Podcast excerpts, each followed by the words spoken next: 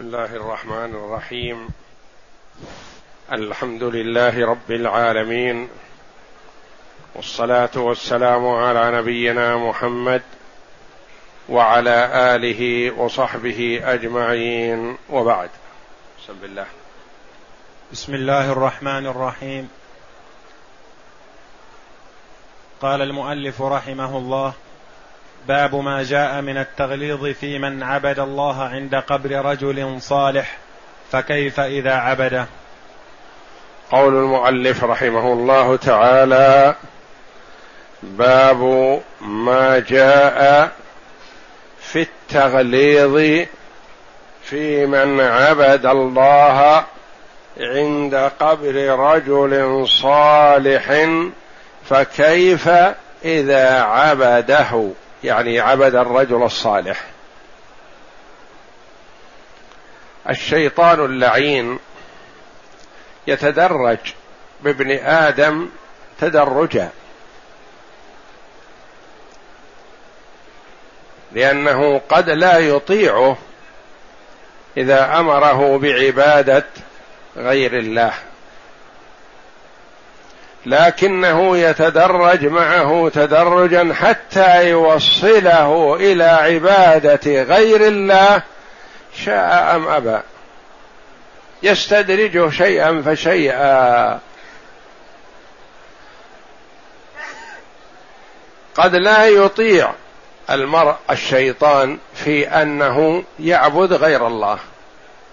لكن يقول له مثلا الدعاء عند قبر فلان نافع.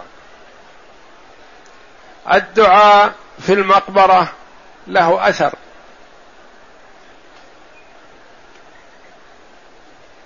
الدعاء عند الضريح الفلاني سيكون له أثر وأسرع إجابة. فيستجيب ابن آدم الجاهل. ثم يستدرجه شيئا فشيئا حتى يعبد هذا القبر أو صاحبه. وسيسوق المؤلف رحمه الله تعالى شيئا مما جاء في هذا أي أنه لا يجوز للمسلم أن يعبد الله عند قبر أي مقبور صالح أو طالح. وإنما يعبد الله في أماكن العبادة. ولهذا نهى صلى الله عليه وسلم عن الصلاة في المقابر. فلا تصح الفريضة ولا تصح النافلة. ما يصح في المقابر سوى صلاة الجنازة.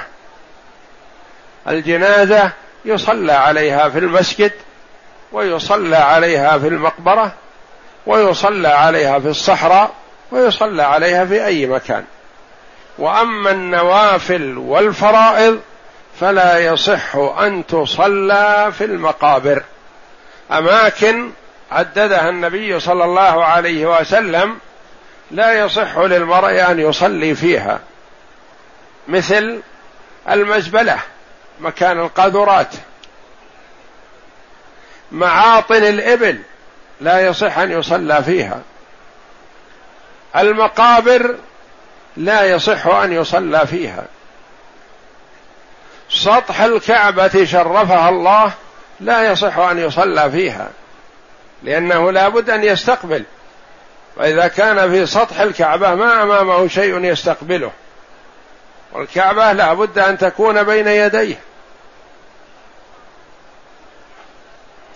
وهكذا أماكن متعددة نهى النبي صلى الله عليه وسلم عن الصلاة فيها كما نهى عن الصلاة في أوقات لأن فيها مشابهة للمشركين.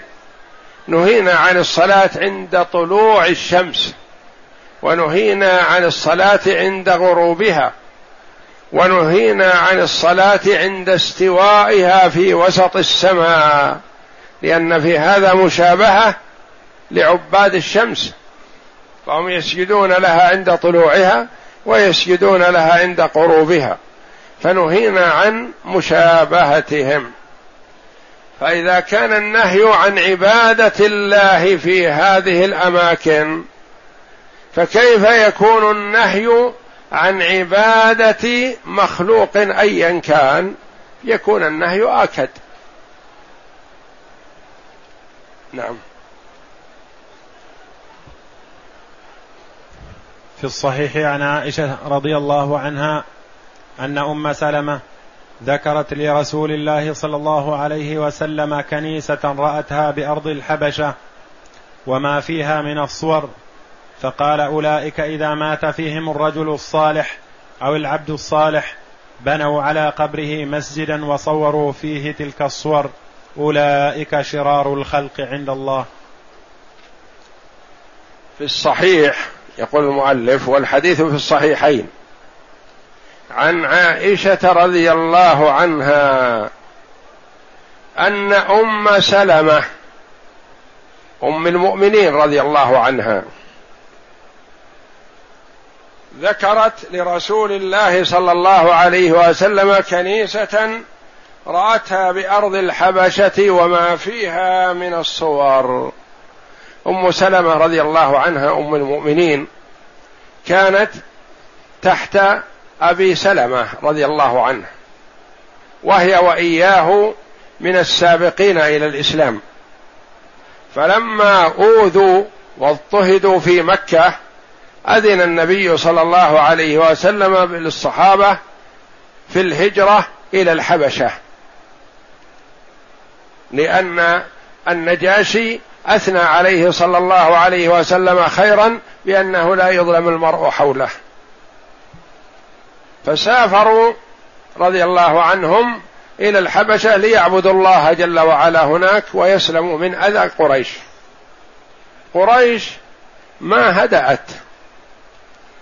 أحبت أن تؤذي حتى المهاجرين إلى الحبشة. فأرسلت اثنين. من رؤسائها إلى النجاشي ليسلمهم هؤلاء المهاجرين. فدخلوا على النجاشي وأكرمهم لأنهم من أعيان قريش. وقدموا له الهدايا فقبلها. وقالوا له إن في بلدك أناس من قومنا هربوا من عندنا إليك والتجأوا إليك وأنت لا تؤوي محدثا. ولا تؤوي من هرب عن أهله فسلمنا إياهم نرجعهم إلى أهلهم. فقال لا بأس لكن ما يكون ما يحسن أن اسلمكم إياهم حتى أسمع ما عندهم. فأرسل إلى الصحابة رضي الله عنهم ليحضروا مجلسه. وعلم الصحابة رضي الله عنهم بقدوم اثنين من المشركين من أجلهم. فاتفقوا رضي الله عنهم على أن يكون المتكلم هو جعفر ابن أبي طالب رضي الله عنه. ابن عم النبي صلى الله عليه وسلم. ولعله يكون في ذلك الوقت هو أقرب من هاجر إلى الحبشة إلى النبي صلى الله عليه وسلم لأنه ابن عمه.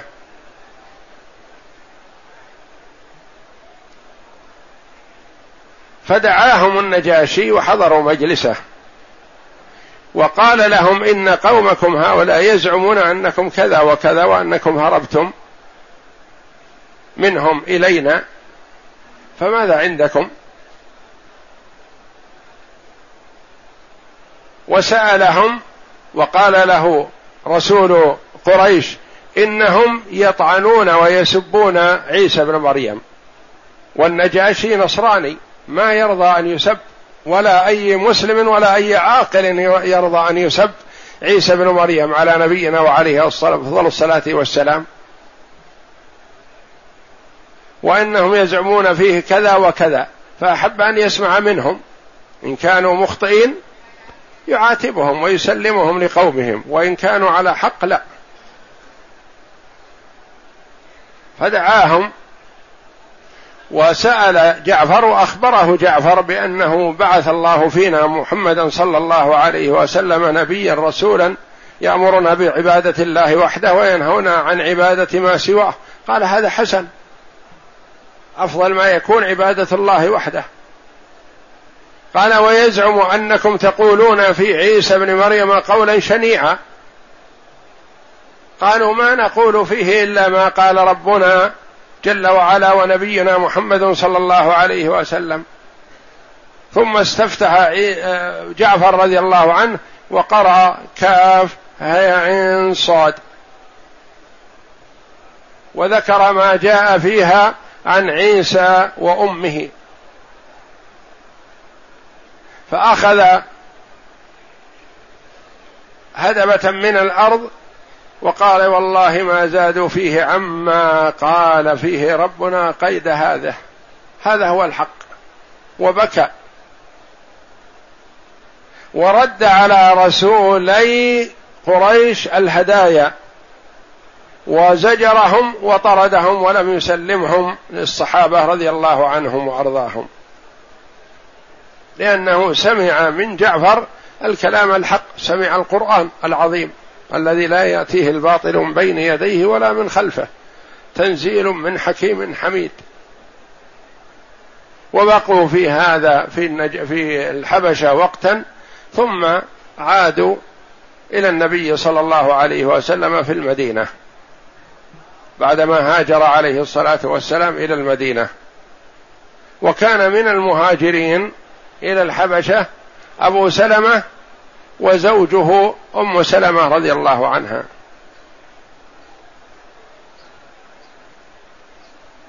ولما رجعوا إلى المدينة توفي أبو سلمة رضي الله عنه فبقيت أم سلمة وحيدة. أهلها ضدها وليس لها أحد في المدينة. فشرفها الله جل وعلا وأكرمها بأن جعلها إحدى أمهات المؤمنين رضي الله عنهن جميعا. فخطبها النبي صلى الله عليه وسلم لنفسه بعدما تمت عدتها من أبي سلمة.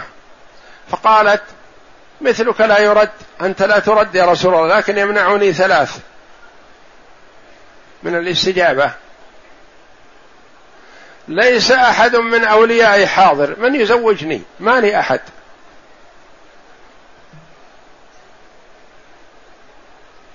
وعندي صبية. أخشى أن يؤذوك ويتعبوك. وفي غيره. أخشى أن ترى مني ما يغضبك علي فيغضب الله علي. هذه الثلاث تمنعني من الموافقة وإلا خطبتك لا ترد. فقال عليه الصلاة والسلام أما صبيتك فصبيتي أتولاهم. وأما الغيرة فأدعو الله أن يذهبها لأنه قد لا يتحملها عليه الصلاة والسلام. وأما أولياؤك فليس منهم أحد حاضر ولا غائب يكره ذلك حتى الكفار من أوليائك ما يكرهون أنك تكوني معي. يسرهم هذا لأن منزلة الرسول عندهم صلى الله عليه وسلم عظيمة في الجاهلية وفي الإسلام لكنهم عادوه لما جاء به من التوحيد صلى الله عليه وسلم وإلا فهو معظم عندهم. فقالت قم يا عمرو أو يا عمر زوج رسول الله صلى الله عليه وسلم ولدها. فتزوجها رسول الله صلى الله عليه وسلم جبرا لخاطرها فأصبحت إحدى أمهات المؤمنين رضي الله عنهن. عائشة رضي الله عنها تخبر أن أم سلمة أخبرت النبي صلى الله عليه وسلم لأنها راحت للحبشة ورأت الكنائس هناك. ذكرت لرسول الله صلى الله عليه وسلم كنيسة وهي متعبد النصارى المكان الذي يتعبدون فيه. رأتها بأرض الحبشة وما فيها من الصور. فيها صور كثيرة ويصلون فيها ويتقربون إلى هذه الصور وإلى أصحابها. فقال عليه الصلاة والسلام أولئك خطاب للمرأة لأم سلمة. ويرى أولئك إذا مات فيهم الرجل الصالح أو العبد الصالح شك من الراوي. هل قال النبي صلى الله عليه وسلم الرجل الصالح أو العبد الصالح؟ ورواة الحديث أمناء على حديث نبينا محمد صلى الله عليه وسلم. إذا شك بين عبارتين أتى بهما معا حتى لا يكون أخطأ. لا يدري هو قال الرسول كذا أو قال كذا. هل قال الرجل الصالح أو قال العبد الصالح؟ وإلا فأداهما واحد الرجل الصالح أو العبد الصالح. لأن الرجل الصالح عبد صالح. بنوا على قبره مسجدا. يعني إذا مات فيهم الرجل الصالح يبنون على قبره مسجد ويتقربون إلى هذا العبد الصالح المدفون ويصلون له. وصوروا فيه يعني المسجد أو الكنيسة. صوروا فيه الصور. صور تشوقهم في نظرهم إلى عبادة هذا الرجل الصالح فيعبدون الله مثله. أو يذكرون في صور آه، أشياء أناس آخرين على غراره يصورون في قبلة مصلاهم هذا عدد من الصور. أولئك أو أولئك شرار الخلق عند الله. شرار أشر يعني. هؤلاء الذين يبنون المساجد على القبور شرار الخلق. وفي هذا تحذير من النبي صلى الله عليه وسلم للأمة. أن تسلك مسلك أولئك النصارى في أن يبنوا المساجد على القبور. لأنه حتى لو عبد الله في هذا المسجد المبني على القبر لابد يكون في قلبه التفات لصاحب القبر. ويتوقع أنه ينفعه أنه يعينه أنه يستجيب له. أنه يشفع له. فهذا يجره إلى الشرك. حتى لو عبد الله. لو عبد الله في هذا المسجد الذي بني على القبر ما صحت صلاته ولا عبادته.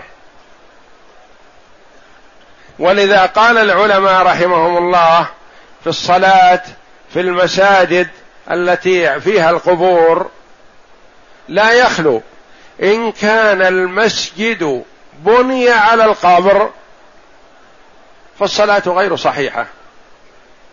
وتحرم الصلاة في المسجد ولو صلى فصلاته غير صحيحة. لأنه منهي عن الصلاة في هذه البقعة لأنها مبنية على القبر. أما إذا كان المسجد بني أولا وأدخل فيه القبر فيجب نبش القبر وإخراجه فإن كان من المسلمين دفن في مقابر المسلمين. ولا يجوز أن يبقى في المسجد الذي بني للصلاة قبر. وتكون الصلاة حينئذ صحيحة لأن المسجد بني على غير قبر. أدخل القبر فيه فيخرج. فالمساجد التي بنيت على القبور يعني دفن الميت ثم بنوا عليه مسجد هذه المساجد لا تصح الصلاة فيها. ومن صلى فيها فصلاته باطلة غير صحيحة. المساجد التي بنيت أولا ثم تعدى متعد وأدخل وأدخل في المسجد قبر. بنى دفن فيه ميت فهذا محرم ويجب نبش القبر ولا يجوز ويجوز أن يصلى في المسجد لأن المسجد بني على غير القبر. قد يقول قائل أليس مسجد النبي صلى الله عليه وسلم ثاني المسجدين فيه قبره صلى الله عليه وسلم؟ وفيه قبر أبي بكر وفيه قبر عمر رضي الله عنهما. فكيف هذا؟ نقول المسجد بناه النبي صلى الله عليه وسلم. حال قدومه للمدينة. فهو مؤسس على تقوى من الله ورضوان ثم إن النبي صلى الله عليه وسلم بنى حجرات أمهات المؤمنين في الناحية الشرقية من المسجد. حجرات أمهات المؤمنين في الناحية الشرقية من المسجد. فكان المسجد بهذا الشكل في حياة النبي صلى الله عليه وسلم. المسجد وبجواره من ناحية الشرق حجر أمهات المؤمنين. ومن ضمن هذه الحجر حجرة عائشة رضي الله عنها.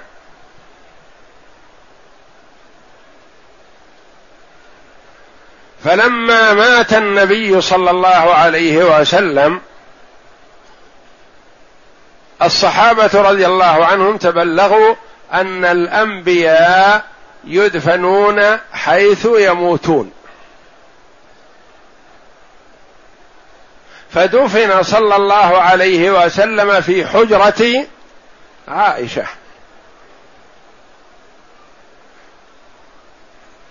ولم يكن داخل المسجد بل خارج المسجد.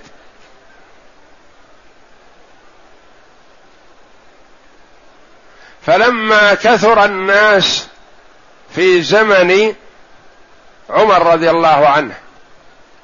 أمر بأن يوسع المسجد. من أين يوسع؟ من الناحية الغربية. فالتوسعة على مسجد رسول الله صلى الله عليه وسلم من الناحية الغربية من توسعة عمر رضي الله عنه. ولما وحينما توفي حضرت الوفاة لأبي بكر رضي الله عنه طلب من عائشة أو أمرها أن يدفن بجوار صاحبه الرسول صلى الله عليه وسلم. و وهو والد عائشة رضي الله عنها. فدفن الرسول وبجواره أبو بكر الصديق رضي الله عنه. فلما حضرت الوفاة لعمر رضي الله عنه وطعن أرسل يستأذن من عائشة رضي الله عنها بأن يدفعنا مع صاحبيه مع الرسول ومع أبي بكر لأنه كان رفيقهما حال الحياة.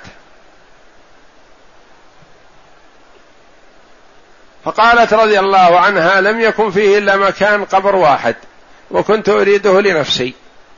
لكني الآن أوثر به عمر.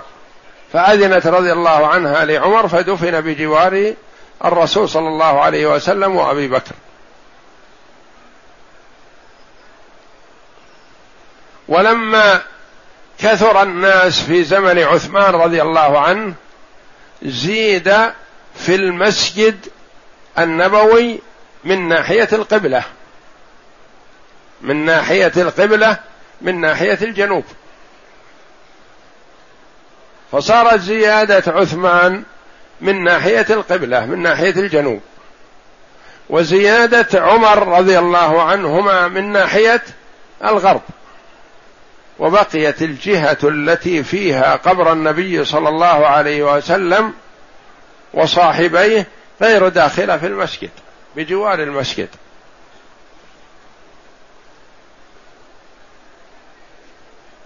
فلما عزم الوليد بن عبد الملك على زيادة المسجد النبوي وتوسعته أمر بأن تشترى غرف وحجر أمهات المؤمنين وتدخل في المسجد. فكره من بقي من الصحابة رضي الله عنهم ومن التابعين إدخال قبر النبي صلى الله عليه وسلم في المسجد لكنه دخل. بسبب زيادة المسجد وتوسعته. فلم يكن قبر النبي صلى الله عليه وسلم موجودا في حياة جل الصحابة رضي الله عنهم وكبارهم. وإنما كان بجوار المسجد.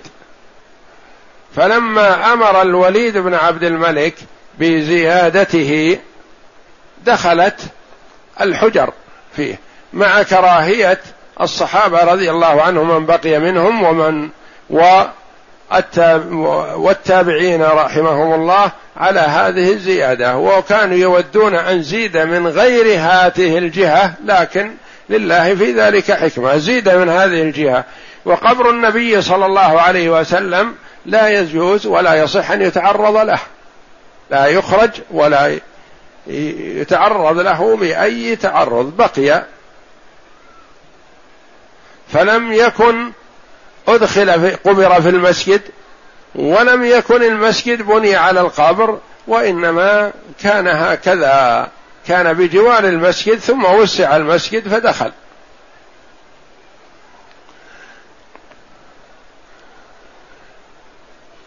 وقد دعا صلى الله عليه وسلم بأن دعا الله بأن لا يجعل قبره وثنا يعبد. يقول ابن القيم رحمه الله فأجاب رب العالمين دعاءه فأحاطه بثلاثة الجدران. أحيط داخل القبر الشريف في ثلاثة جدران ما يكن بأربعة وإنما بثلاثة متوازية حتى لا يتمكن أحد من استقباله.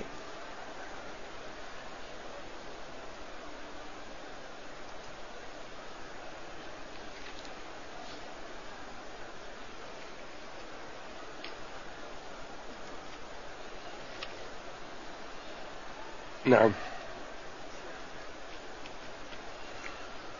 فهؤلاء جمعوا بين الفتنتين فتنة القبور وفتنة التماثيل. ولهما عنها فهؤلاء يعني هؤلاء النصارى جمعوا بين فتنتين. كلاهما منهي عنها. فتنة القبور الذي هو بناء المساجد على القبور. وفتنة التصوير والصور والتماثيل فتنة أخرى. جمعوا بينهما في أماكن صلاتهم. نعم.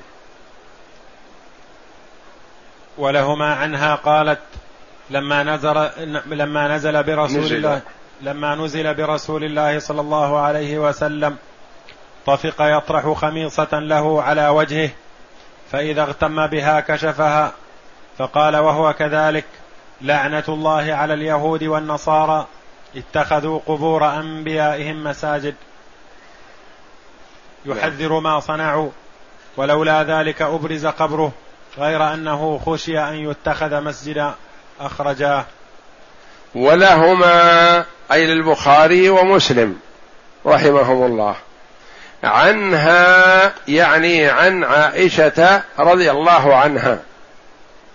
قالت لما نزل برسول الله صلى الله عليه وسلم يعني نزل به يعني حضره الموت. كان في سكرات الموت. وكان عليه الصلاة والسلام عانى الشيء الكثير من سكرات الموت عليه الصلاة والسلام.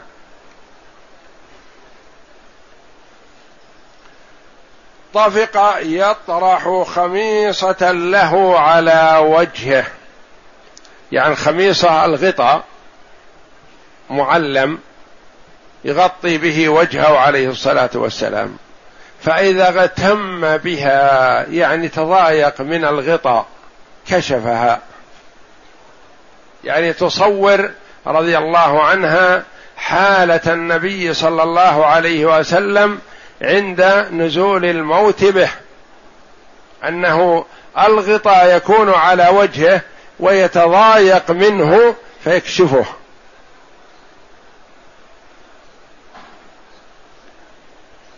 ويقول عليه الصلاة والسلام في هذه الحال وإي والله إن للموت لسكرات. وقد عانى منها عليه الصلاة والسلام. طفق يطرح خميصة له على وجه فإذا غتم بها يعني تضايق منها كشفها رفعها عن وجهه. فقال وهو كذلك يعني وهو في هذه الحال في حال يعاني سكرات الموت وفي حال التعب والإرهاق عليه الصلاة والسلام ما نسي أمته من التحذير مما لا يجوز لهم. وهو كذلك يقول عليه الصلاة والسلام لعنة الله على اليهود والنصارى اتخذوا قبور أنبيائهم مساجد. في هذه الحال الحرجة الصعبة عليه صلى الله عليه وسلم يحذر أمته. وهذه الجملة لعنة الله على اليهود تحتمل أمرين. أنها خبر. أن الرسول يخبر أن لعنة الله حلت باليهود بسبب كذا وكذا. الاحتمال الثاني أنه انشاء وليس بخبر يعني دعاء. مثل ما تقول مثلا أنت لعنة الله على فلان يعني تلعن فلان. تدعو عليه. ولا تخبر أن الله لعنه لانك ما تدري أنت. أما الرسول عليه الصلاة والسلام فقد يأتي بالشيء على سبيل الخبر ويأتي به على سبيل الدعاء. يقول يدعو على اليهود باللعن والطرد من رحمة الله. لماذا؟ لأنهم اتخذوا قبور أنبيائهم مساجد. لعنة الله ولعنة الله طرده للمرء من رحمته والعياذ بالله. فاللعنة من الله الطرد من رحمة الله.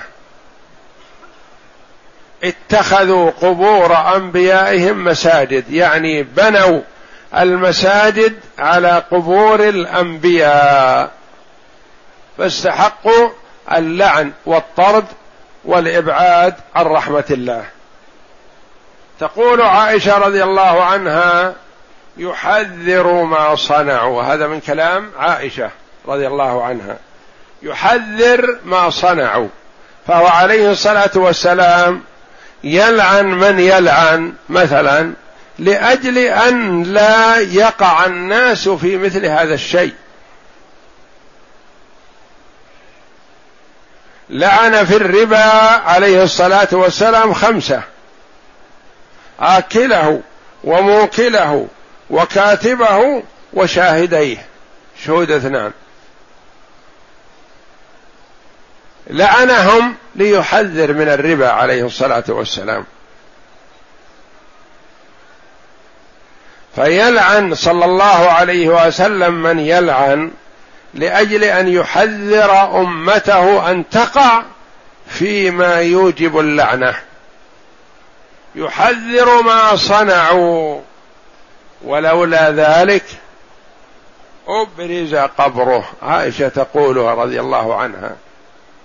تقول لولا خشية أن يتخذ مسجد هو من المعلوم أن الصحابة رضي الله عنهم لن يتخذوه مسجد لكن يخشى في المستقبل تقول رضي الله عنها. ولولا ذلك أبرز قبره يعني أخرج خارج لكنه خشي غير أنه خشي حينما أمر أن يدفن في مكان موته خشي هو عليه الصلاة والسلام ويصح أن يقال فيها خشي يعني خشي الصحابة. الصحابة اتفقوا على أن يدفنوه في مكانه خشية منهم أن يتخذ مسجد. غير أنه خشي أن يتخذ مسجدا أخرجاه يعني هذا الحديث في الصحيحين. وهو حديث صحيح. ولمسلم عن جندب بن عبد الله قال سمعت النبي صلى الله عليه وسلم قبل أن يموت بخمس وهو يقول إني أبرأ إلى الله أن يكون لي منكم خليل فإن الله قد اتخذني خليلا كما اتخذ إبراهيم خليلا ولو كنت متخذا من أمتي خليلا لاتخذت أبا بكر أبا بكر خليلا.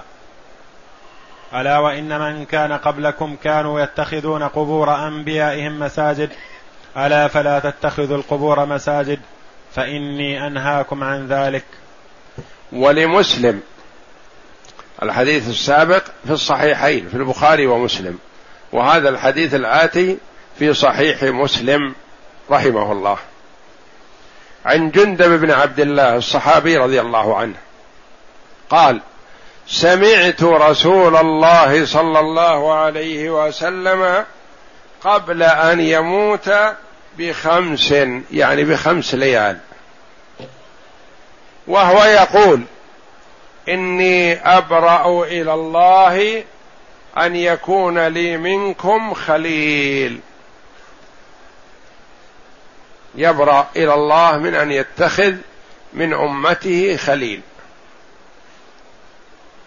ما هو الخليل؟ الخليل هو أعلى أنواع درجات المحبة. الخلة أعلى درجات المحبة. يقول ما أتخذ؟ ما أعطي أعلى درجات المحبة لأحد لأن الله اتخذني خليل.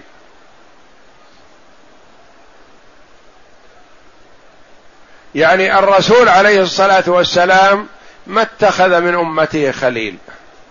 والصحابة رضي الله عنهم ما اتخذوه خليلا؟ بلى. فرق. الصحابة رضي الله عنهم يقول أبو هريرة أوصاني خليلي صلى الله عليه وسلم بثلاث. أوصاني خليلي. نقول لأبي هريرة كيف تقول خليلي؟ يقول نعم أنا الرسول خليلي. ولست بخليل للرسول. يعني الرسول ما يقول أبو هريرة خليلي ولا يقول أبو بكر خليلي. أبو بكر يقول الرسول خليلي. والرسول يقول الله اتخذني خليلا ما أتخذ أنا خليل. فالخلة يصح تكون من جانب ليست مثل المحبة. الأصل إنك إذا أحببته أحبك أنت تحبه وهو يحبك والله يحب التوابين ويحب المتطهرين والتوابون والمتطهرون يحبون الله في تبادل. لكن الخلة لا. الرسول عليه الصلاة والسلام ما اتخذ من أمته خليلا. وكل الصحابة رضي الله عنهم يقول منهم من يقول بلسان حاله ومنهم من يقول بلسان مقاله خليلي رسول الله صلى الله عليه وسلم. فهو عليه الصلاة والسلام يقول إني أبرأ إلى الله أن يكون لي منكم خليل. يعني ما يصح أن يكون لي منكم خليل لأني خليل الرحمن. اتخذني ربي خليلا. فإن الله قد اتخذني خليلا كما اتخذ إبراهيم خليلا. ولو كنت لو على سبيل الفرض لو اتخذت خليلا من يترون أتخذ. كل الصحابة لا هو عليه الصلاة والسلام يحب الصحابة. يحبهم كلهم. وأسامة بن زيد رضي الله عنه يقال عنه حب رسول الله صلى الله عليه وسلم وابن حبه. وقيل للنبي صلى الله عليه وسلم من أحب الناس إليك؟ قال عائشة. قيل من الرجال قال أبوها. فهو يحب الصحابة رضي الله عنهم لكن ما اتخذ منهم خليل. يقول لو كنت متخذا من أمتي خليلا لاتخذت أبا بكر خليلا. في هذا دليل على فضيلة أبي بكر الصديق رضي الله عنه أنه أفضل الصحابة. وهذا بإجماع المسلمين الذين يعتد بقولهم ويعتبر قولهم أن أبا بكر أفضل هذه الأمة بعد نبيها صلى الله عليه وسلم ورضي الله عن أبي بكر. ولا عبرة بقول من يقول من المبتدعة ويفضلون عليه غيره. منطوق رسول الله صلى الله عليه وسلم وهو الذي لا ينطق عن الهوى وهو المشرع. لو كنت متخذا من أمتي خليلا لاتخذت أبا بكر خليلا.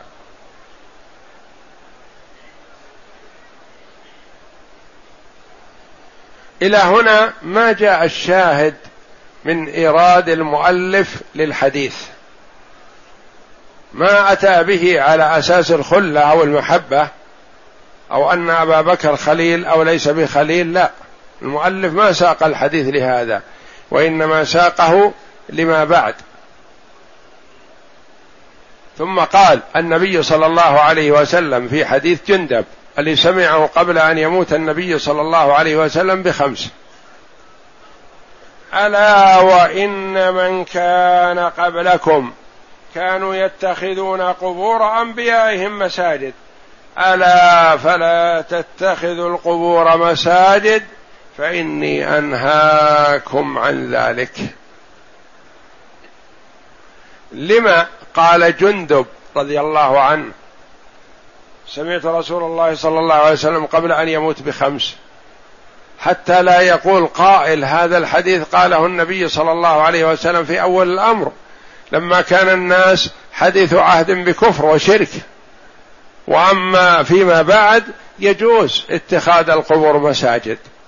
نقول هذا القول صدر من النبي صلى الله عليه وسلم قبل أن يموت بخمسة أيام خمس ليالي فقط.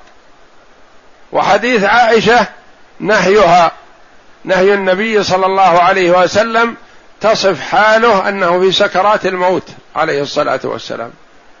الناصح الأمين عليه الصلاة والسلام. ما نسي أمته في هذه الحالة. في سكرات الموت ويحذر أمته عما يضرهم. ألا وإن من كان قبلكم من هم؟ اليهود والنصارى. كانوا يتخذون قبور أنبيائهم مساجد. يعني إذا مات النبي بنوا على قبره مسجد. ألا فلا تتخذوا القبور مساجد. فإني أنهاكم عن ذلك. أحذركم. لا تتخذوا القبور مساجد. فإني أنهاكم عن ذلك. ويجب على المسلم أن ينتهي عما نهاه عنه رسول الله صلى الله عليه وسلم. هذا نهي النبي صلى الله عليه وسلم صريح. ومع ذلك ومع الأسف الشديد بنيت المساجد على القبور في كثير من البلاد. مع صحة الأحاديث عن النبي صلى الله عليه وسلم في النهي عن هذا وحصلت المخالفة.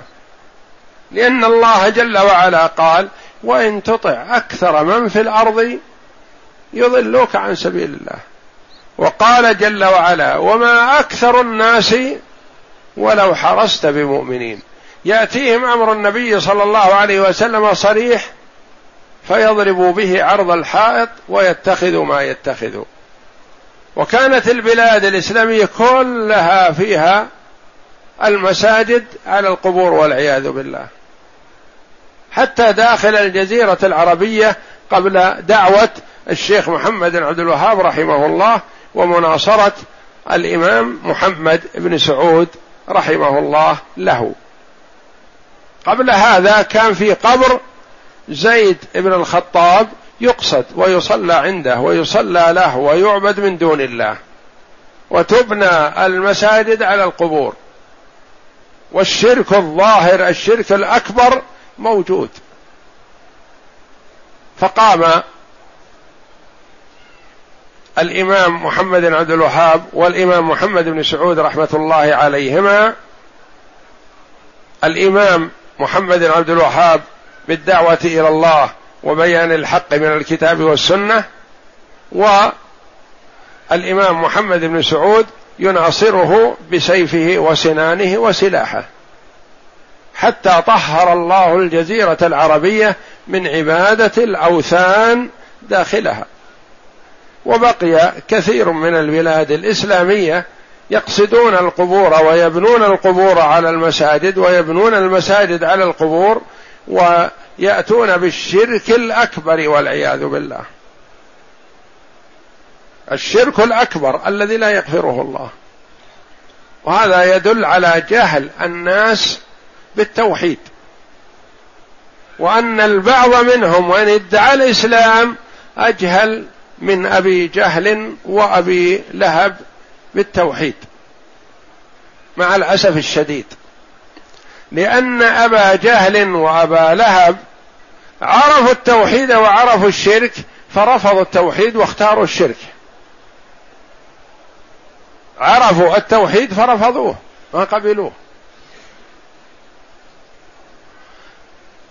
هؤلاء الذين يترددون على القبور والأضرحة ويطلبون منها ما لا يطلب إلا من الله جل وعلا يدعون الإسلام يصلون في الصف الأول ويبكرون إلى المسجد ويذكرون الله فإذا صلى وانتهى قام إلى الضريح والقبر وكذا وخضع عنده ودعاه وسأله وطلب منه المدد وطلب منه الغوث وطلب منه آه، النجدة وغير ذلك.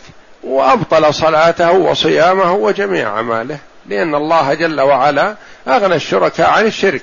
من عمل عملا أشرك معي فيه غيري تركته وشركه. والشرك محبط للعمل. بعض الأعمال تفسد فتفسد هو وحده.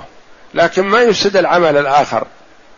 الشرك يحبط العمل كله والعياذ بالله. يعني الرجل إذا جاء بحج فدخل عليه مفسد مفسدات الحج بطل حجه فقط لكن ما يقال كفر. أتى بعمرة اقترف مفسد مفسدات العمرة فسدت عمرته فقط. ولا فسد إسلامه ولا فسدت صلاته ولا فسدت زكاته فسدت عمرته فقط. بخلاف الشرك فهو محبط للعمل كله والعياذ بالله. إن الله جل وعلا يقول ولقد أوحي إليك وإلى الذين من قبلك لئن أشركت ليحبطن عملك ولا تكونن من الخاسرين. لئن أشركت ليحبطن عملك. والله جل وعلا يعلم ازلا أن محمدا صلى الله عليه وسلم لا يشرك.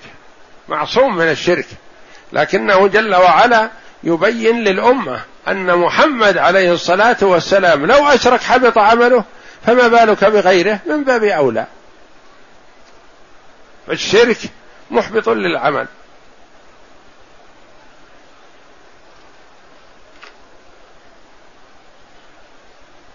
نعم. فقد نهى عنه في آخر حياته. ثم إنه لعن وهو في السياق من فعله. فنهى عنه عن الصلاة في المساجد التي بنيت على القبور. ثم إنه يعني نهى عن هذا قبل وفاته بخمس. ثم لعن وهو في السياق. ما بقي مجال. ما في مجال لقائل أن يقول إن هذا منسوخ. ما دام أنه قبل الوفاة بخمس ولعن من فعل ذلك وهو عليه الصلاة والسلام في السياق يعني في سكرات الموت في سياق الموت. نعم. والصلاة عندها من ذلك وإن لم يبنى مسجد. والصلاة عندها يعني إذا صلى المرء عند القبر ولو لم يبنى مسجد فهو قد اتخذها مسجدا. اتخذ القبر مسجد لو لم يبنى لو أن ذاهب ذهب مثلا يصلي في المقبرة. نقول اتخذها مسجد. يقول ما بني في مسجد ولا شيء من هذا. أنا صليت بين القبور فقط. نقول هذا هو اتخاذها مسجد. يعني اخترتها جئت تصلي فيها والنبي صلى الله عليه وسلم يقول جعلت لي الأرض مسجدا وطهورا. فأنت اتخذتها مسجد. ولو لم يبنى مسجد فصلاتك فيها اتخاذ لها مسجد. نعم. وهو معنى قوله خشي أن يتخذ مسجدا. وهو معنى قولها قول عائشة رضي الله عنها خشي أن يتخذ مسجدا. يعني أمر أن يدفن حيث يموت وبين أن الأنبياء يدفنون حيث يموتون حتى لا يخرج خارج فربما جاء الناس يصلون عنده فاتخذوه مسجد. فإن الصحابة لم يكونوا ليبنوا حول قبره مسجدا.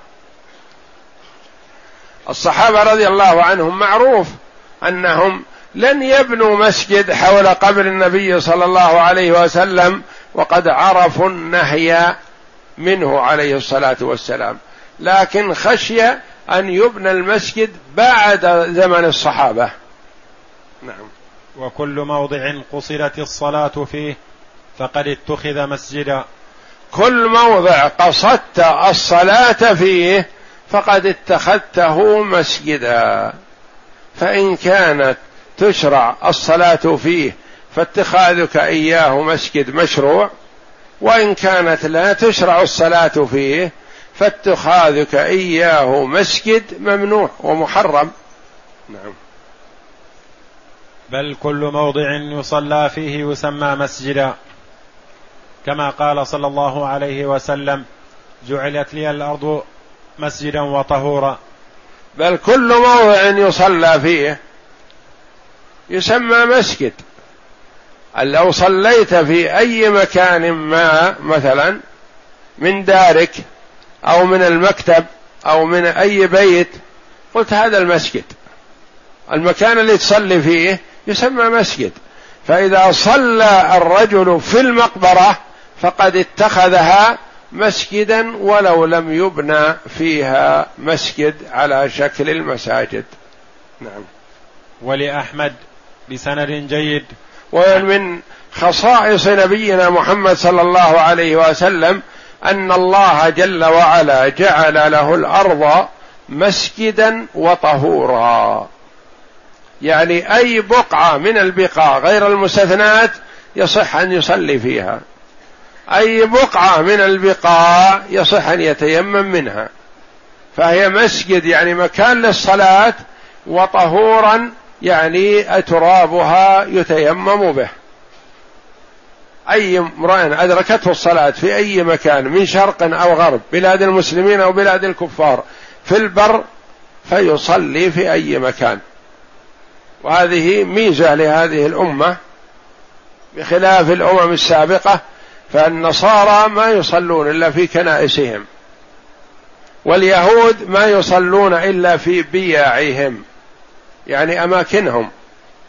أما هذه الأمة فيصلي المرء في أي مكان والحمد لله ويتطهر من أي تربة إذا كانت طاهرة. نعم. ولأحمد بسند جيد عن ابن مسعود رضي الله عنه مرفوعا إن من شرار الناس من تدركهم الساعة وهم أحياء والذين يتخذون القبور مساجد. رواه أبو حاتم في صحيحه. ولأحمد بسند جيد عن ابن مسعود عبد الله بن مسعود رضي الله عنه. مرفوعا يعني مرفوعا إلى النبي صلى الله عليه وسلم. إن من شرار الناس من تدركهم الساعة وهم أحياء. لأن الساعة تقوم على شرار الخلق. الساعة لا تقوم حتى لا يقال في الأرض الله الله. وترفع المصاحف ويرفع القرآن من المصاحف ومن صدور الرجال. فيبقى الناس يتهارشون كالحمر يعني مثل الحمير والعياذ بالله. وأخس من الحيوانات. الحيوانات مسخرة فيما خلقت له. وأولئك والعياذ بالله شرار الخلق أسوأ حالا من الحمير. هؤلاء هم الذين تقوم عليهم الساعة لأن الله جل وعلا قبل قيام الساعة بفترة يرسل ريحا باردة فتقبض كل فتقبض نفس كل مؤمن ومؤمنة. ويبقى شرار الخلق وعليهم تقوم الساعة والعياذ بالله. يقول إن من شرار الناس صنفان. من تدركهم الساعة وهم احياء هؤلاء شرار الناس. والصنف الثاني من هم؟ الذين يتخذون القبور مساجد. يعني شرار الناس صنفان. صنف موجود الآن والعياذ بالله. وصنف غير موجود يأتي فيما بعد. الذين تدركهم الساعة وهم أحياء هذول يأتون. الصنف الموجود الذين يتخذون القبور مساجد. هؤلاء شرار الناس.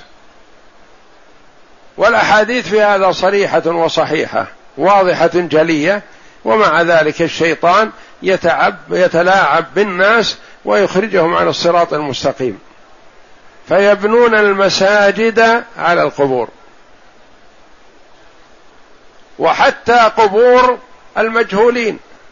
أو قد يبني المسجد على قبر حمار ويدعو الناس إلى عبادته والصلاة فيه.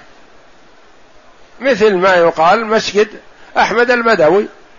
قبر أحمد البدوي والصلاة في المسجد ذاك. أحمد البدوي ما هو ما عرف أهل التاريخ له سيرة ومعرفة إلا أنه قالوا بدوي جاهل جلف دخل مسجد من مساجد مصر فبال فيه لجفاءه وجهله. ثم لما مات بنوا على قبره قبة وقالوا هذا ولي من أولياء الله. كيف صار ولي؟ قالوا ما بال بالمسجد إلا هو ولي. بال في بيت الله فهو ولي من أولياء الله. هذا من شر الخلق. الذي يبول في بيت من بيوت الله يكون عدو الله. أو جاهل قد يعذر بجهله. لكن مع الأسف الشديد أنه يعظم حتى ممن هو متعلم ويعرف. وتلاعب الشيطان بالناس في نواح عدة. الآن قبر الحسين رضي الله عنه. كم له من قبر؟ في العراق يقول هذا قبر الحسين في مصر قبر الحسين في الشام قبر الحسين. كم صار من شخص؟ لكن كل هذا من تلاعب الشيطان. وين العقول؟ على فرض لو هو معظم لو هو يجب تعظيمه واحد يكون ما يكون ثلاثة مساجد كلها مساجد الحسين وقبر الحسين.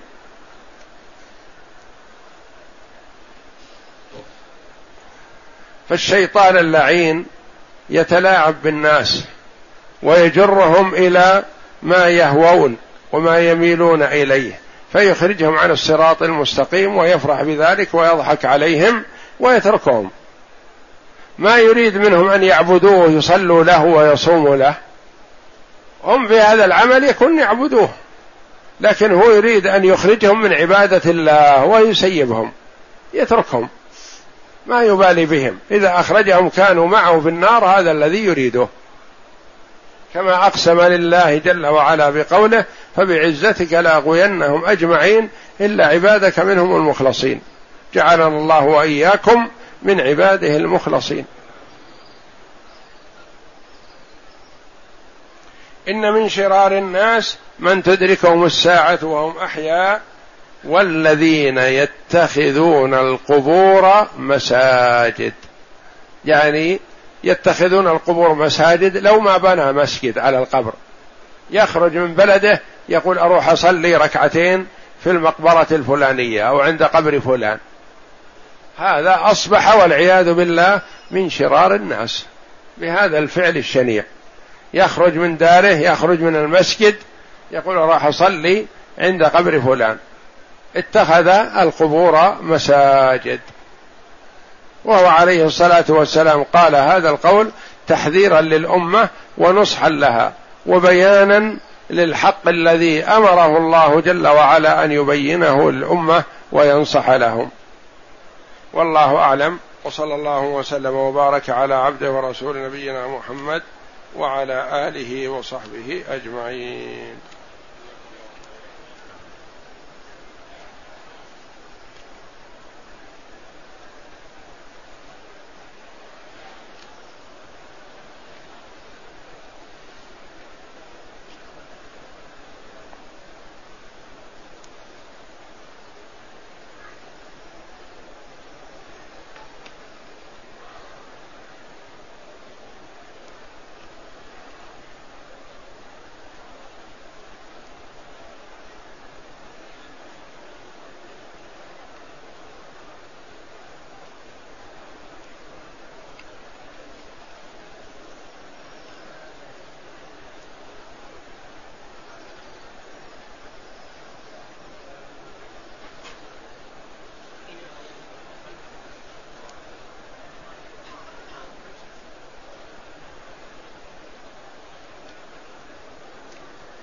يقول السائل أريد الاعتكاف ودورات مياه الحرم بخارجه فهل خروجي أثناء الاعتكاف لقضاء الحاجة أو الاغتسال خارج المسجد الحرام يضر بالاعتكاف؟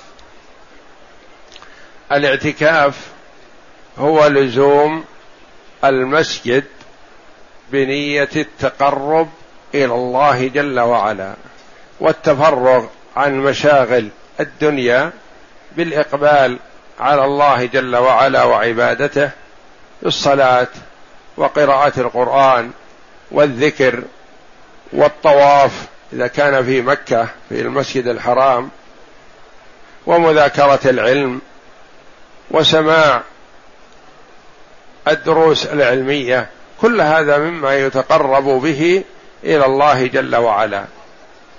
ثم إن الإنسان له الخروج من معتكفة لما لا بد له منه.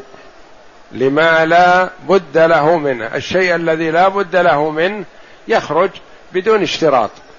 مثل يخرج لقضاء الحاجة يخرج للوضوء يخرج للأكل والشرب إذا لم يوجد من يحضر له ذلك في المسجد أو وجد لكن ما تيسرت دخولها للمسجد فيخرج إليها لا حرج.